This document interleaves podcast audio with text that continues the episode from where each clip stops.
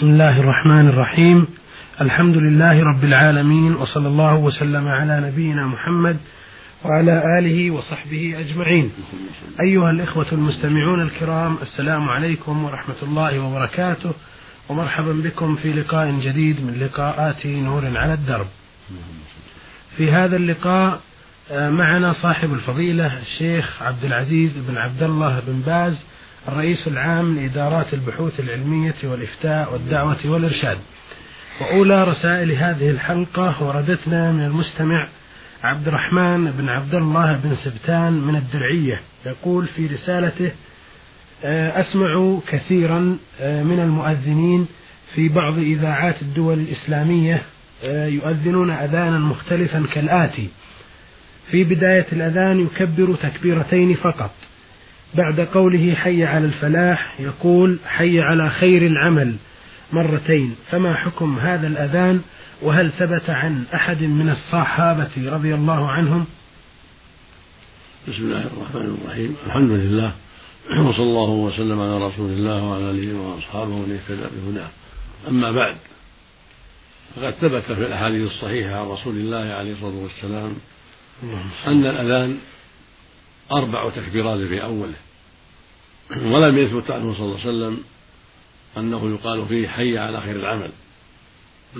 لم يقل هذا بلال ولا عبد الله بن مكتوم ولا أبو محذورة ولا غيره من المؤذنين عليه الصلاة والسلام.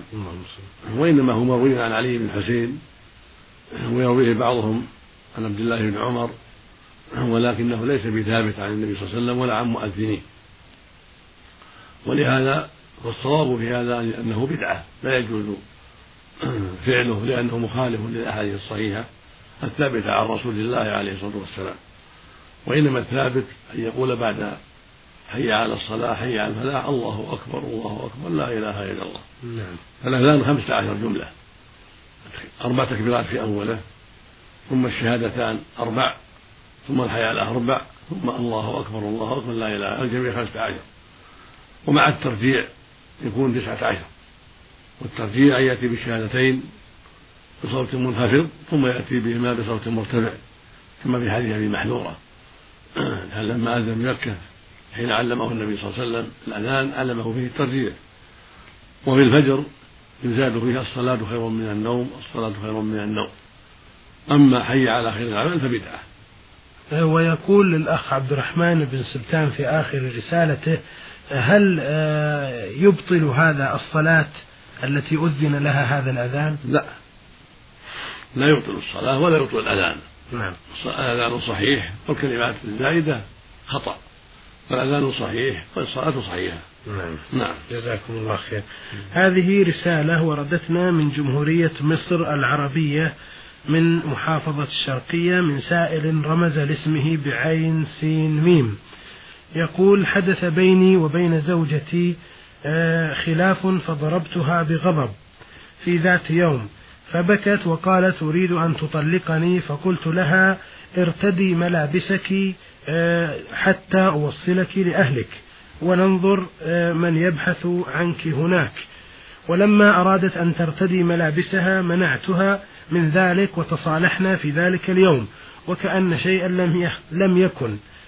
ولكن نفسي تحدثني من وقت لآخر آه، عما حصل بيننا هل يعتبر طلاقا أم لا. أفيدوني أفادكم الله. إذا كان الواقع هو ما ذكره السائل فليس بطلاق. نعم. بل زوجته السائل معه ولم يقع عليها شيء وقوله ارتدي ملابسك ليس بطلاق. نعم. جزاكم الله خير وبارك الله فيكم. هذه رسالة وردتنا من آه، سوريا من المرسل محمد الأحمد الفواز. يقول آه، عندي حاجة نافعة مفيدة لكل إنسان ولك وهذه الحاجة أعطيتها لأحد آه، أقاربي فضيعها وحلفت بالطلاق طلقة واحدة إذا وجدتها لا أعطيها لأحد وفعلا وجدت هذه الحاجة وصار لها عندي خمسة عشر سنة. وكل إنسان يسألني عنها أقول ليست موجودة خوفا آه، أو احتفاظا بكلمة الطلاق مع أنها موجودة عندي. فهل علي في ذلك إثم؟ هذا فيه تفصيل؟ نعم. فإن كانت الحاجة تنفع الناس ينبغي لها أن يعيرها الناس وينفع الناس والطلاق ينظر فيه. نعم. فأما إن كانت الحاجة ليس لها أهمية بالنسبة إلى الناس وبالنسبة إلى أقاربه أو غيرهم فإن الأمر فيها سهل وليس في حاجة إلى أن يسعى عن الطلاق لكن الطلاق فيه تفصيل فإن كان أراد بذلك منع نفسه من تسليم الحاجة لأحد من الناس ولم يريد إيقاع الطلاق وإنما أراد أن يمنع نفسه بهذا الطلاق من تسليمها للناس. نعم. هذا عليه كفارة يمين و ويجوز له ولا حرج عليه إذا سلمها للناس ولا يقع طلاق إذا كنت أيها السائل أردت بذلك منع نفسك من تسليم الحاجة لأحد من الناس ولم تريد إيقاع الطلاق. فإنه لا يقع طلاق بذلك وعليه كفارة يمين إذا أعطيتها أحدا من الناس. أما إن كنت أردت إيقاع الطلاق إن أعطيتها أحدا من الناس فإنه يقع طلقة على زوجتك إذا أعطيتها أحدا من الناس والطلقة واحدة لا تحرمها عليك لك المراجعة في الحال. نعم. لك أن تراجعها في الحال فتشهد شاهدين بأنك راجعت زوجتك فلانة وتصح الرجعة والحمد لله. إذا أعطيتها لأحد هذه الحاجة وأنت تريد الطلاق إيقاع الطلاق. هذا إذا كان كانت المرأة لم تطلقها قبل هذه الطلقتين. أما إذا كان زوجته قد سبق لها طلقتان فإن هذه الطلقة تحرمها عليك الطلقة الأخيرة. إذا أعطيت الحاجة لأحد من الناس وأنت مريد إيقاع الطلاق تكون هذه الطلقة هي الثالثة وبها تحرم المرأة على زوجها حتى تنكح زوج غيره نكاحا شرعيا نكاح حرامة. نعم. لا نكاح تحليل. ويقع ويطأها الزوج الذي نكحها لابد أن يطأها ثم يفارقها بعد هذا إما بموت أو طلاق. نعم. بارك الله فيكم. لكنه يسأل في آخر رسالة أو ذكر أنه يكذب آه، إذا سأله أحد عن هذه الحاجة قال ليست موجودة عندي وهي عنده خوفا من وقوع الطلاق. هذا غلط والواجب عليه في هذا نعم. التوبة إلى الله سبحانه وتعالى. فإن المؤمن ليس له أن يكذب. نعم. و... وإذا كان هناك حاجة لعدم بيان وجودها نعم. فيعرض بشيء وليست موجودة يعني في المكان المعين اللي فيه نعم. أو في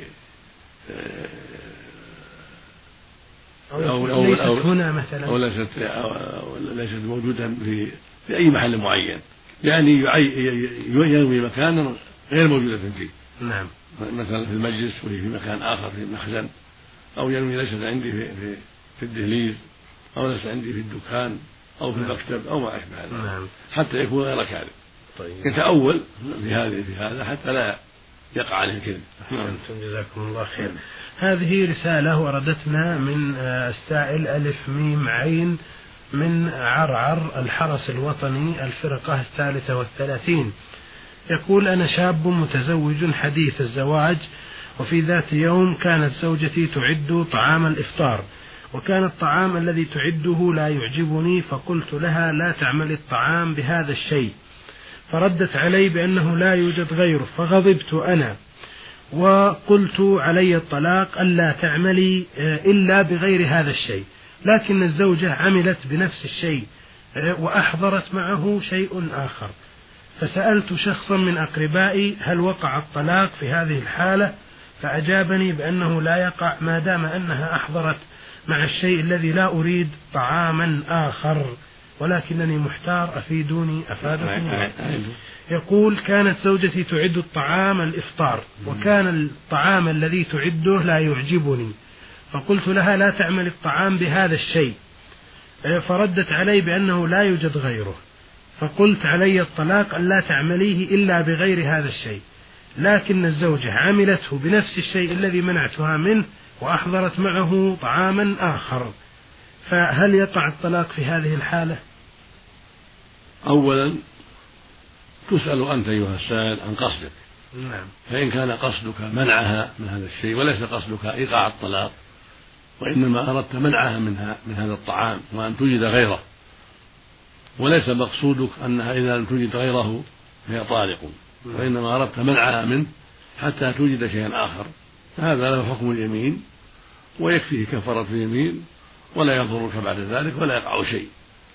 أما إذا كنت هذا هو الصواب. نعم. أما إذا كنت أردت إيقاع الطلاق هذا محل النظر إذا كنت أردت إيقاع الطلاق إن أوجد هذا الطعام وهي أوجدته ولم تريد أنه إذا ضمت إليه غيره فلا بأس. إنما أردت أن توجد طعاما آخر غيره. ولم تريد أن تضم إليه غيره فهذا يقع الطلاق. لأنك حنثت في طلاقك ولم يحصل مقصودك أنت أردت منها أن توجد طعاما آخر فلم توجد طعاما آخر ولكن أضافت إليه شيئا. فهذه الإضافة التي أضافتها إذا كانت لا تحقق المقصود من قصدك ولا يحصل بها المطلوب من الطعام الذي أردت فإنه يقع الطلاق طلقة واحدة. ولك مراجعتها في العدة إذا كانت لم تطلق قبل هذا طلقتين هذا إذا كنت أردت الطلاق. أما إذا كنت أردت منعها من هذا الشيء وأردت أنها توجد طعاما آخر إذا سمعت الطلاق تخاف وتوجد طعاما آخر. ولم تريد إيقاع الطلاق عليها فهذا حكم حكم اليمين كما تقدم في أصح قول العلماء. نعم. نعم. جزاكم الله خير. هذه رسالة وردتنا من آه، أخ جزائري آه، يعمل بفرنسا رمز لاسمه بسين عين. يقول في رسالته لدينا إمام مسجد كبير في الغرب الجزائري. وقعت له حادثة سيارة كان يقودها بنفسه ومعه اثنان من الرجال وكان يريد أن يسبق سيارة أمامه فدخل في تلك السيارة من الخلف. ومات الرجلان آه اللذان معه. وأما هو فقد نجا لأنه من جهة اليسار. ف وبقي إماما بعد هذه الحادثة فهل ينطبق عليه قول الله عز وجل ومن يقتل مؤمنا متعمدا إلى آخر الآية أم أن قتله هنا خطأ وهل تجوز الصلاة خلفه ما دام لم يتعمد قتل نفسه ولا قتل من معه وإنما أراد أن يسبقها فدخل تحتها فلا يكون متعمدا بهذا ويكون من باب القتل خطأ نعم. وعليه الدية والكفارة ولا مانع من الصلاة خلفه لأنه لم يتعمد القتل مع أن الصحيح أن العاصي تصح, الصلاة خلفه. نعم. لو تعمد القتل فهو عاصي وأتى كبيرة عظيمة ولكن لا يكون كافرا إذا لم يستحل ذلك. نعم. ومن صلى خلف الفاسق صلاته صحيحة على الصحيح. إذا صلى خلف القاتل أو خلف عقل العقل والديه أو خلف من زنى أو ما أشبه ذلك فإن الصلاة صحيحة. ولكن ينبغي ألا يقدموا إذا كانوا معروفين بالمعاصي نعم. ينبغي ألا يقدم أحد منهم بل يقدم من هو معروف بالعدالة والاستقامة. لكن لو صلى بعض الناس خلف من هو معروف بالفسق صحت صلاته على الصحيح. فقد صلى ابن عمر خلف الحجاج بن يوسف الثقفي أمير العراق وهو من أظلم الناس وأفسقهم. ومع هذا صلى ابن عمر خلفه. فالمقصود أن الصلاة خلف الفاسق والظالم صحيحة. ولكن ينبغي ألا يقدم للإمامة مع قدرة يلتمس الرجل العدل. الذي يؤم الناس عند قدرة نعم. بارك الله فيكم. وله سؤال آخر في هذه الرسالة يقول لنا مسجد في قرية صغيرة وقد وقع فيه نزاع بين الشيوخ والشباب. آه، فالشيوخ لا يرضون بالشباب آه، أن يتولوا مسؤولية المسجد. والبعض من من الرجال كبار السن قد قطعوا الدخول إلى المسجد والصلاة فيه. ويصلون في منازلهم ويصلون صلاة الجمعة بمدينة تلمسان تبعد 35 يقول لنا مسجد آخر في قرية صغيرة وقع فيه نزاع بين الشيوخ والشباب. فالشيوخ لا يرضون أن يتولى الشباب المسؤولية في داخل المسجد. وبعض الرجال قطعوا الصلاة في المسجد فيصلون في منازلهم. والجمعة يؤدونها في مدينة تلمسان. فهل في ذلك إثم على الجميع؟ هذا محل نظر لأن الخلاف لم يبين أسبابه. نعم. لم تبين أسباب الخلاف والواجب على الشيوخ والشباب أن يتفقوا على الخير وأن يتعاونوا بالبر والتقوى فيصلون جميعا في المسجد ويتعاونون على الخير ويقدمون أفضلهم وأقرأهم كما قال النبي صلى الله عليه وسلم أم القوم أقرأهم من كتاب الله. فلا ينبغي التنازع في مثل هذا. لأن المقصود المقصود وجوب أداء الجماعة. فعليهم جميعا أن يتعاونوا على البر والتقوى وأن يؤدوا الصلاة جماعة. ولا يصلوا ليس لهم الصلاة في بيوتهم. نعم. بل الواجب عليهم أن يصلوا في المسجد وأن يتفقوا جميعا وأن يؤمهم أقرأهم بكتاب الله. فإن كانوا في القراءة سواء فأعلمهم بالسنة فإن كانوا في السنة سواء فأقدمهم هجرة فإن كانوا في ذلك سواء فأقدمهم سلما إن أكبرهم سنا وأقدمهم إسلاما. هذا الواجب عليهم يتأدبوا بآداب الشريعة. أما يتخلى الشيوخ عن المسجد ويتخلى الآخرون عن المسجد يبقى المسجد ما فيه أحد أو يصلي فيه الشباب وحدهم ويصلي ويصلي الكبار في بيوتهم هذا لا يجوز. نعم. الواجب أن ينظر في الأمر وأن يحل الخلاف الذي بينهم بالطريقة الشرعية. فإن كانوا يقيمون على الشباب شيئا نصحوهم إلى الخير وإن كان الشيوخ عندهم بدعة أو عندهم معاصي تابوا إلى الله منها حتى يتفقوا مع الشباب. فالحاصل أنه لابد من حل المسألة بالطرق الشرعية. أما يصلي الكبار في بيوتهم أو الصغار في بيوتهم من أجل النزاع فهذا لا يجوز. نعم. الواجب القضاء عليه. نعم. جزاكم الله المستعان. نعم. هذه رسالة وردتنا من المستمع راء عين ألف مصري يعمل بالمملكة. يقول آه، أرجو تبين حكم الشرع في الرجل الذي يترك امرأته لأجل العمل لمدة ثلاث سنوات. هل آه، له جماعها بعد العودة أم آه، يلزمه شيء قبل ذلك؟ أفيدونا أفادكم الله. المشروع للمؤمن أن يلاحظ حق الزوجة نعم. وأن يجتهد في الاتصال بها بين وقت وآخر حسب الإمكان لأن طول الغيبة قد تعرضها لشر كثير. نعم. أو قد تبتلى بمن يريدها على الباطل. فالواجب على الزوج أن يلاحظ هذا وأن يكون له رجعة إليها بين وقت وآخر وقد حدد عمر رضي الله عنه للجنود ستة أشهر.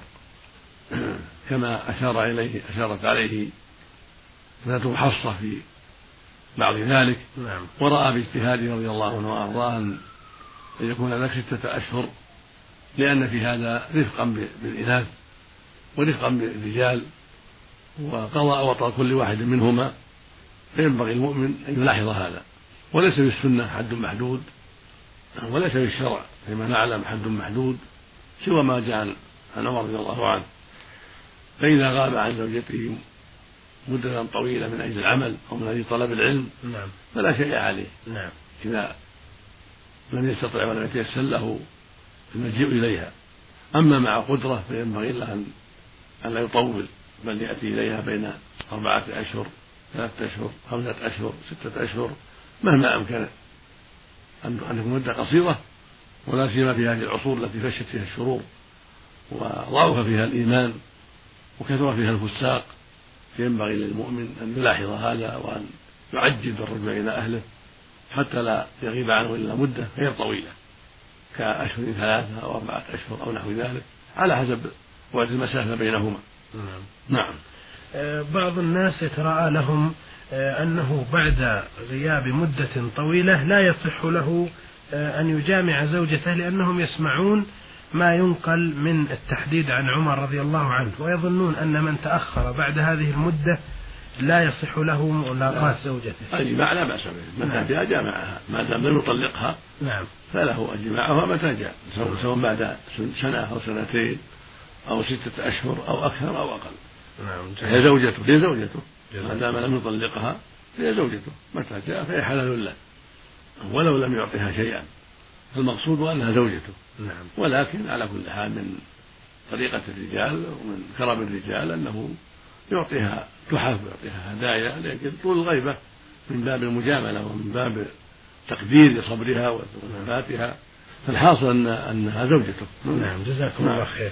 له سؤال ثاني في هذه الرسالة. يقول آه قال الله تعالى آه أعوذ بالله من الشيطان الرجيم الرجال قوامون على النساء.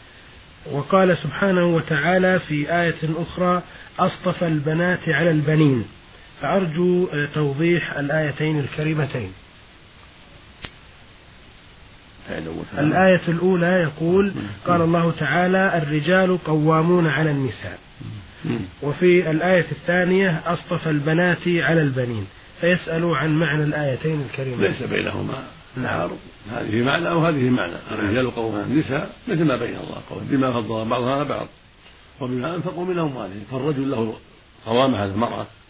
لأن الله فضله عليها. فالرجال أفضل من النساء. في الجملة نعم.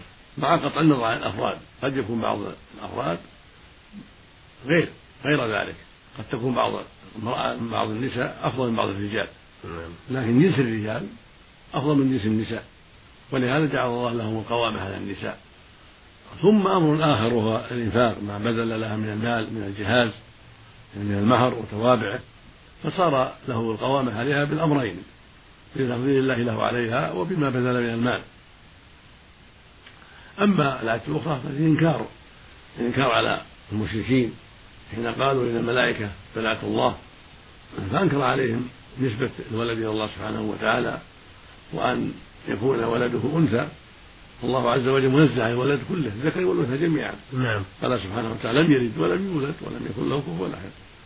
والمشركون أثبتوا لله ولد وجعلوا ولده أنثى فعتب الله عليهم وأنكر عليهم ذلك ونزه نفسه عن الله سبحانه وتعالى. نعم. بارك الله فيكم. هذه رسالة وردتنا من السائل ميم نون لام من الرياض. يقول تزوجت امرأة ومكثت عندي مدة. ثم طلقتها وتزوجت برجل من بعدي. فتسأل هل يجوز لها أن تقابل والدي بعدما طلقتها وتسلم عليه؟ لا حرج فيه نعم. لأن الله قال وحلائل أبنائكم فإذا من حلائل الأبناء وإن طلقها الابن. نعم. هي محرم لأبيه. نعم. يعني المحرمية بينها وبين باقية أبيه نعم نعم. باقية وإن طلقها. نعم. مثل زوجة أبيه لو طلقها أبوه. نعم. محرم له. جزاكم الله الله الله قال ولا تنكحوا ما نكح آباؤكم من النساء. إذا طلقها أبوه فهي محرم للأولاد وكذلك حلال الأبناء. نعم. نعم جزاكم الله خير. له سؤال ثان في هذه الرسالة يقول فيه آه، أنا أحد سكان المناطق الريفية ويوجد بجوارنا قرية بها مسجد تؤدى به صلاة الجمعة ولكن سكان هذه القرية بيننا وبينهم نزاع وهم الذين أقاموا المسجد على حسابهم الخاص وأنا أكرههم. فهل يجوز لي أن أؤدي صلاة الجمعة بهذا المسجد؟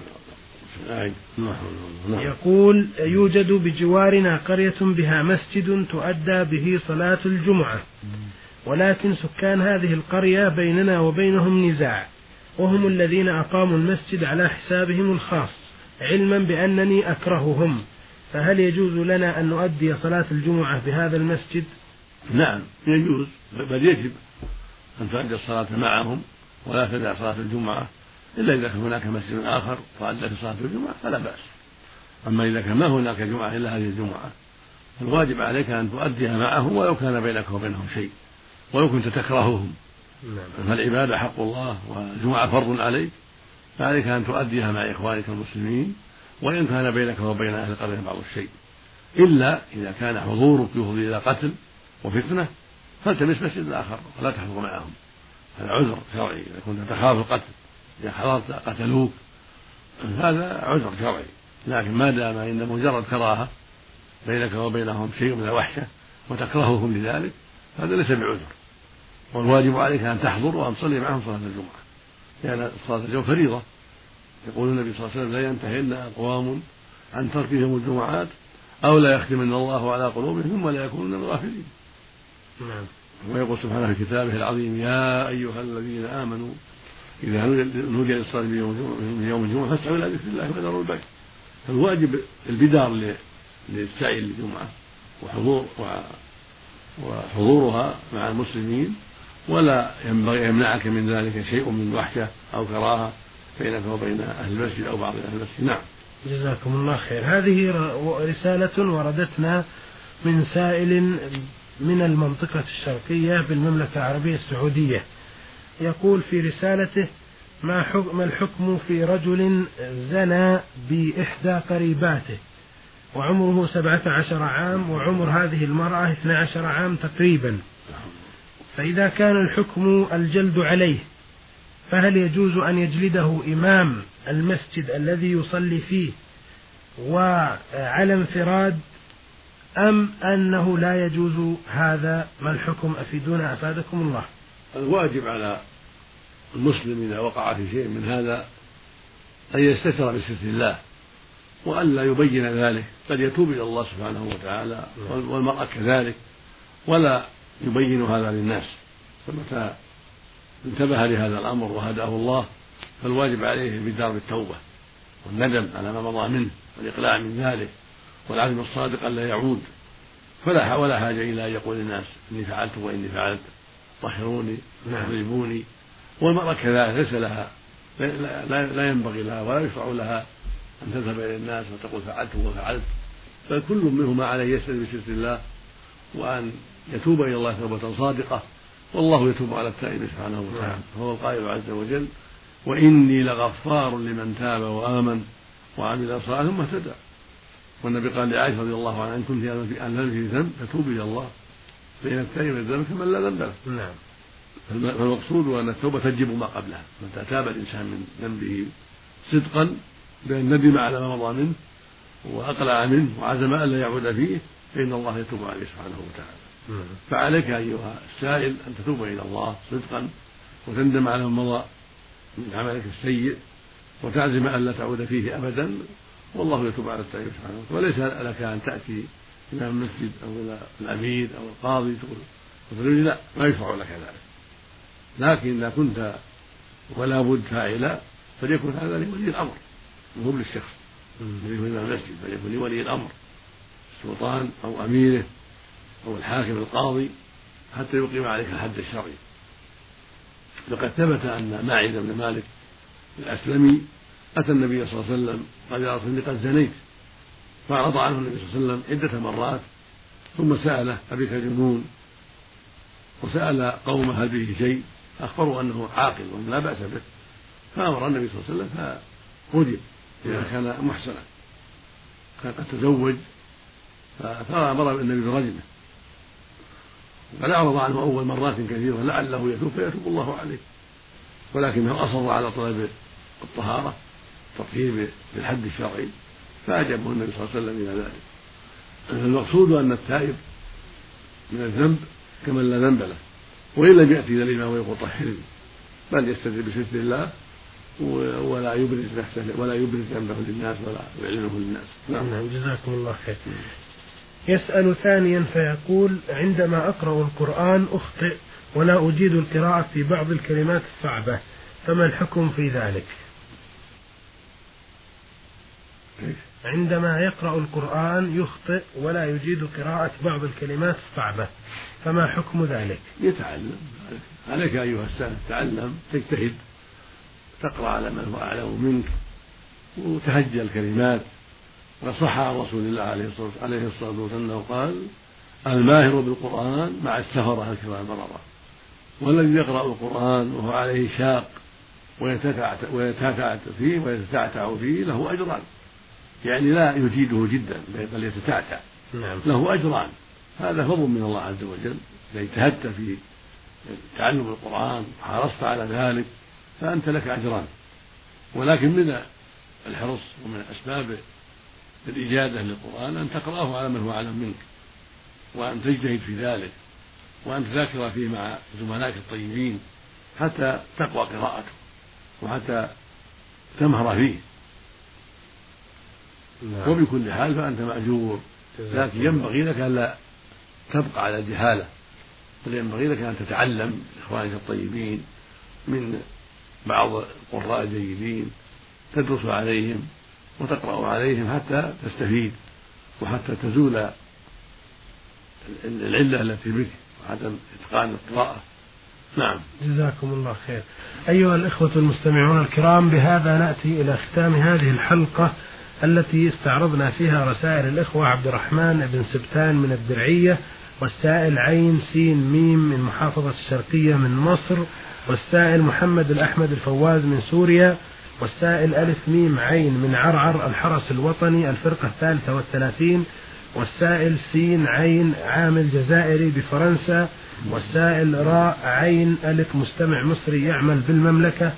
وأخيرا رسالة السائل ميم نون لام من الرياض ثم رسالة المستمع من المنطقة الشرقية بالمملكة. شكرا آه، لسماحة الشيخ عبد العزيز بن عبد الله بن باز على ما تفضل به. وشكرا لكم على حسن استماعكم ولكم تحية من الزميل خالد منور خميس. من الهندسة الإذاعية وإلى أن نلتقي بكم على خير نستودعكم الله والسلام عليكم ورحمة الله وبركاته.